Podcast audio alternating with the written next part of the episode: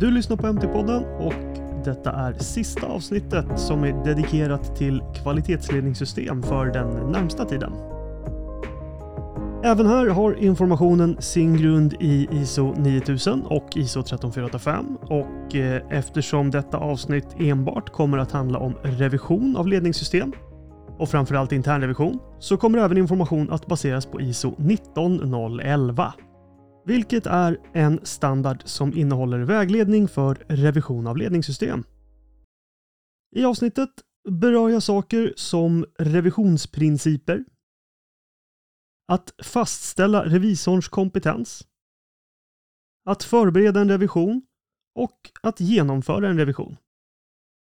Jag förutsätter fortfarande att du har lyssnat på de tre tidigare avsnitten innan du börjar lyssna på detta, så om du inte gjort det, gör om, gör rätt. För tydlighet och pedagogiks skull så inleder jag även här med att förklara några ord så att vi fortfarande är överens om vad jag menar när jag slänger mig med mindre vardagliga ord. Revisionsplan. En revisionsplan är den planen som beskriver de aktiviteter och arrangemang som ska genomföras under en revision. Revisionsbelägg. Revisionsbelägg är redovisande dokument, fakta och all annan information som är relevant till de revisionskriterierna som du har satt upp. Alla revisionsbelägg ska vara verifierbara. Revisionsiakttagelser. Revisionsiakttagelser är det resultat av den utvärdering som revisorn gör av alla insamlade revisionsbelägg ställt mot revisionskriterierna. Dessa kan då resultera i överensstämmelse eller avvikelse mot kriterierna. Revisionsslutsats. Just revisionsslutsats kanske är lite självförklarande. Det innebär i alla fall att revisorn sammanställer ett resultat av revisionen med revisionsmålen och samtliga revisionsiakttagelser i åtanke. Och till sist även ordet revision, eftersom jag tycker att det är väldigt viktigt att vi har samma tolkning och därmed slipper vi sånt som gissningar och osäkerhet. Ordet revision betyder något i stil med eh, systematisk, oberoende och dokumenterad process för att inhämta objektiva belägg och objektivt utvärdera dessa i syfte att avgöra i vilken utsträckning revisionskriterierna har uppfyllts. Jag brukar gilla förklaringen som säger att en revision innefattar bestämning av överensstämmelse av något enligt en rutin som utförs av en person som inte är ansvarig för det som revideras. Eftersom jag sagt att jag ska fokusera mer från vinkeln internrevision så är det nog bra att jag nämner att en internrevision också kan kallas för en första partsrevision.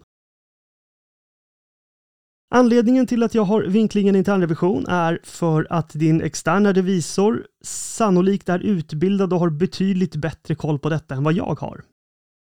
Så därför går jag vidare med att säga vad 13485 har att säga om just internrevisioner för att sedan fylla på mer med lite väl utvald guidning från ISO 19011. Nu råkar ISO 19011 vara drygt 100 sidor lång, vilket innebär att jag kommer lämna säkert 90% av den utanför avsnittet. Så syftet här är inte att du ska kunna utföra revisioner, men du ska i alla fall förstå vad det innebär när en internrevision sker hos din organisation. Enligt 13485 så ska organisationen genomföra interna revisioner vid planerade intervaller, vanligtvis en gång per år, för att avgöra om ditt QMS överensstämmer med lagd plan, dokumentation, standarden 13485 och alla relevanta författningskrav. Internrevisorn kontrollerar även om ditt QMS har underhållits på ett ändamålsenligt sätt. För internrevision ska det finnas en dokumenterad rutin som innehåller information om ansvar, krav, planering och genomförande av revisioner samt hur detta ska dokumenteras och bevaras. För revisioner i allmänhet så finns det en del principer. Oväntat nog så kallar ISO 19011 dessa för revisionsprinciper. Principerna bör bidra till att göra din revision till ett effektivt verktyg som stöd för ledningens styrning. Bland annat genom att ge ledningen information som kan förbättra deras verksamhet. Att tillämpa principerna är en förutsättning för att kunna leverera vettiga revisionsslutsatser och samtidigt skapa förutsättningar för olika revisorer att agera på ett liknande sätt i sitt arbete. All den guidning som ges i ISO 19011 grundar sig i dessa principer. Det är sju stycken och jag tänkte att jag sammanfattar allihopa för dig. Integritet. Alltså att utföra sitt arbete på ett etiskt och ärligt sätt. Du ska endast åta dig uppgifter som du har kompetens för att genomföra. Du ska förbli opartisk i processen och vara uppmärksam på saker som skulle kunna påverka din bedömning. Rättvis rapportering. Du har en skyldighet att rapportera sanningsenligt och korrekt. Om skilda uppfattningar mellan revisor och den reviderade uppstår så ska dessa dokumenteras. Yrkesmässig noggrannhet. En revisor ska kunna visa noggrannhet, försiktighet och hänsyn till vikten av den uppgiften som de ska utföra. Revisorn ska ha förmågan att göra välgrundade bedömningar i alla situationer. Sekretess. Revisorn ska vara försiktig när det gäller användningen av skyddad information som de får tillgång till under arbetet. Informationen som revisorn tar del av får aldrig skada den som revideras eller deras intressen. Oberoende. Detta är grunden till att kunna utföra en revision som resulterar i vettiga slutsatser. Om det är praktiskt möjligt så ska en revisor ha en oberoende ställning till den verksamhet som revideras. Revisorer ska alltid vara fria från förutfattade meningar och inte ha egna intressen som kan hamna i konflikt med verksamhetens intressen. Vid en internrevision kan en extern internrevisor användas om det behövs. En intern internrevisor ska aldrig revidera sitt eget arbete. Evidens. Den metoden revisorn använder för att komma fram till slutsatserna ska vara baserad på evidens för att skapa tillförlitlighet och för att skapa reproducerbara revisionsslutsatser under det systematiska revisionsarbetet. Och till sist så har vi riskbaserat tänkande. Revisorn ska i sin metod beakta och om nödvändigt utvärdera risker och möjligheter. Nu med alla dessa krav på att revisorn ska vara kompetent och sköta sig så behöver vi också utvärdera den kompetensen som vår internrevisor har och självklart dokumentera detta på ett snyggt sätt. Innan du väljer en internrevisor och gör den bedömningen så behöver du också besluta vilken kompetens som krävs för att vara internrevisor så att du har något att jämföra personens kompetens med. När du gör detta så ska du beakta bland annat saker som storlek, komplexitet och typ av produkt eller tjänst som ska revideras.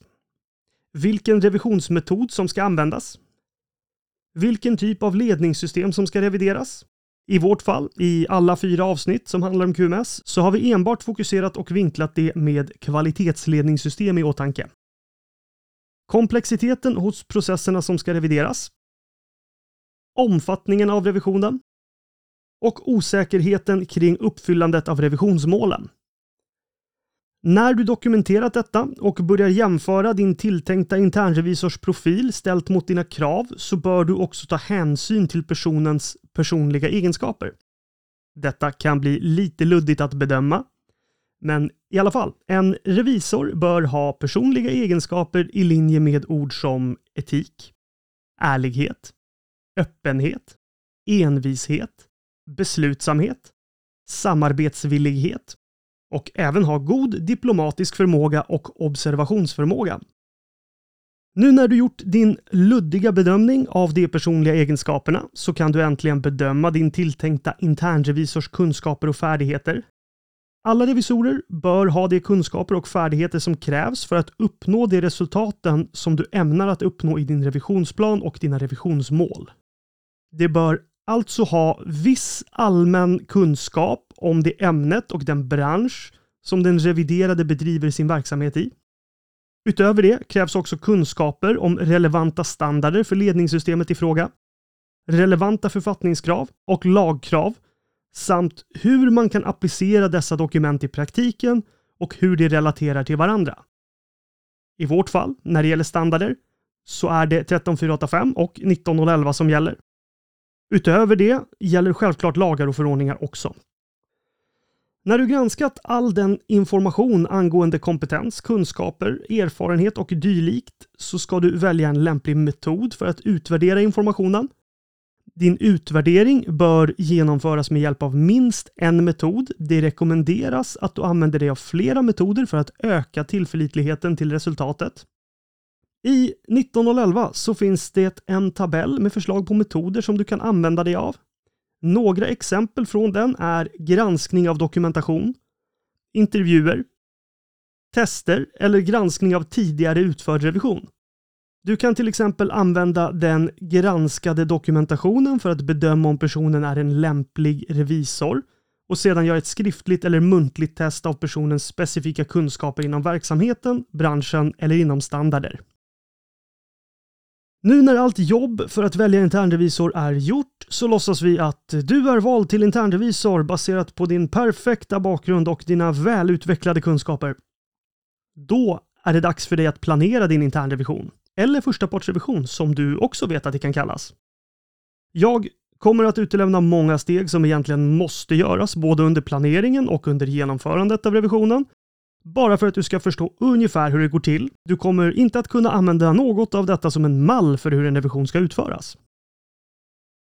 Vid behov så kan du läsa in dig i viss dokumentation före revisionsdagen som förberedelse.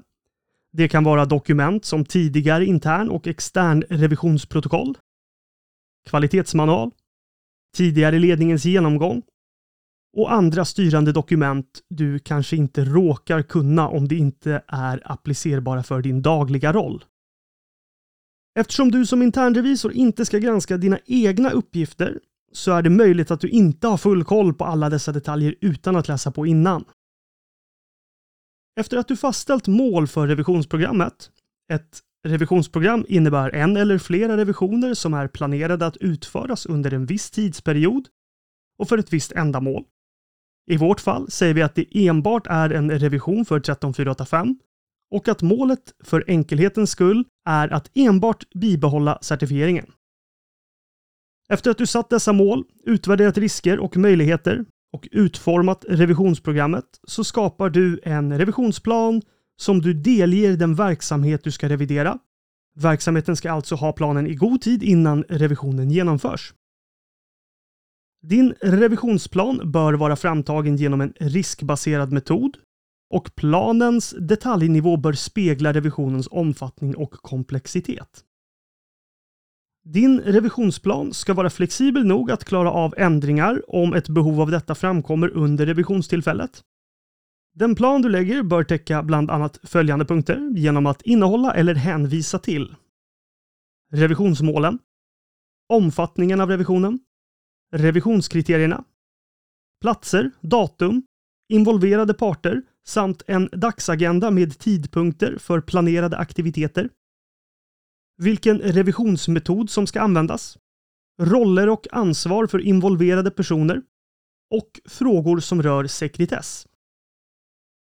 Nu när du som internrevisor och den verksamhet som du ska revidera är överens om revisionsplanen så är det läge att genomföra revisionen. Även här så utelämnar jag som sagt väldigt mycket detaljer. I alla fall, vi tänker oss att du och alla andra involverade i revisionsarbetet träffas fysiskt på er MT-avdelning. Planen är att granska diverse dokument tillsammans med en representant ur ledningen alternativt annan ansvarig person för ert QMS. Efter detta så ska du som internrevisor intervjua en av avdelningens medicintekniker. Du inleder med ett öppningsmöte där du bekräftar att alla medverkande samtycker till din revisionsplan. Förhoppningsvis vet du redan svaret på detta eftersom din plan har nått fram till verksamheten innan du sitter på mötet. Fortsätt med normala vänligheter som att presentera er så alla vet vilken funktion som varje medverkande person har och säkerställ sedan att alla aktiviteter i din revisionsplan kan genomföras. Om svaret på detta är nej, så kommer vi tillbaka till den punkten jag nämnde tidigare under planeringen. Att din revisionsplan måste vara så pass flexibel att tillåta att något sådant sker. Vilka som ska delta i öppningsmötet bör vara bestämt innan mötet. Men det brukar vara ledningen för verksamheten och eller de personer som ansvarar för de processer som ska revideras. Vi skippar att måla upp en bild av hur processen där internrevisorn granskar dokumenten tillsammans med ledningen går till, eftersom denna blir både svår och tråkig att beskriva i poddformat. Men nu vet du att detta är gjort och resultatet av granskningen anses överensstämma. Nu har du, alltså internrevisorn, kommit fram till den punkten att en medicintekniker ska intervjuas. Bland annat för att se om kvalitetsmanualen och kvalitetspolicyn har nått ut hela vägen till det som faktiskt arbetar med de medicintekniska produkterna som allt det här handlar om. Jag lägger lite mer vikt här eftersom de flesta av er som lyssnar på MT-podden löper stor risk att hamna i någon av de här positionerna. Alltså att intervjua eller att bli intervjuad i dessa frågor. När du ska intervjua din utvalda medicintekniker så ska intervjun i möjligast mån ske på dennes villkor på dennes arbetsplats för att personen ska vara så bekväm som möjligt eftersom detta ger mer ärliga och relevanta svar. Du ska även förklara syftet med intervjun för personen. Om vi säger att syftet med intervjun den här gången är att bekräfta att det kvalitetsmål och syftet med ditt QMS har nått hela vägen ut till medicinteknikerna så är det också viktigt att komma ihåg definitionen av medvetenhet som jag nämnde i andra avsnittet. Alltså den medvetenhet som uppstår när du som personal förstår ditt ansvar och varför du gör den arbetsuppgift som du gör, samt hur du och din arbetsuppgift bidrar för att nå organisationens mål. Jag vet att många medicintekniker känner sig nervösa inför eventuella sådana här intervjuer Därför vill jag verkligen poängtera att ledningen ansvarar för främjandet av medvetenheten inom hela organisationen. Om du som internrevisor upplever att den du intervjuar, eller att du som blir intervjuad inte kan svara på dessa frågor, så ligger problemet väldigt sällan hos den som blir intervjuad.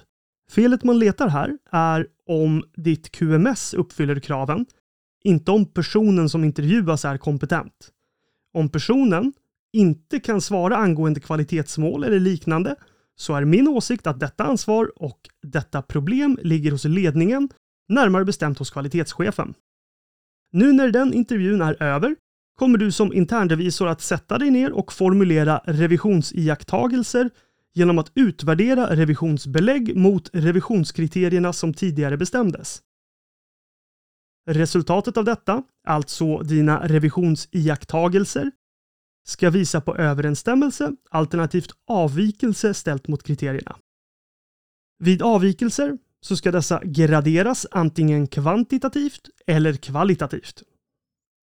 När du gjort dina revisionsiakttagelser så ska dessa ses över tillsammans med personalen från din reviderande verksamhet för att reda ut eventuella missförstånd innan ni går vidare.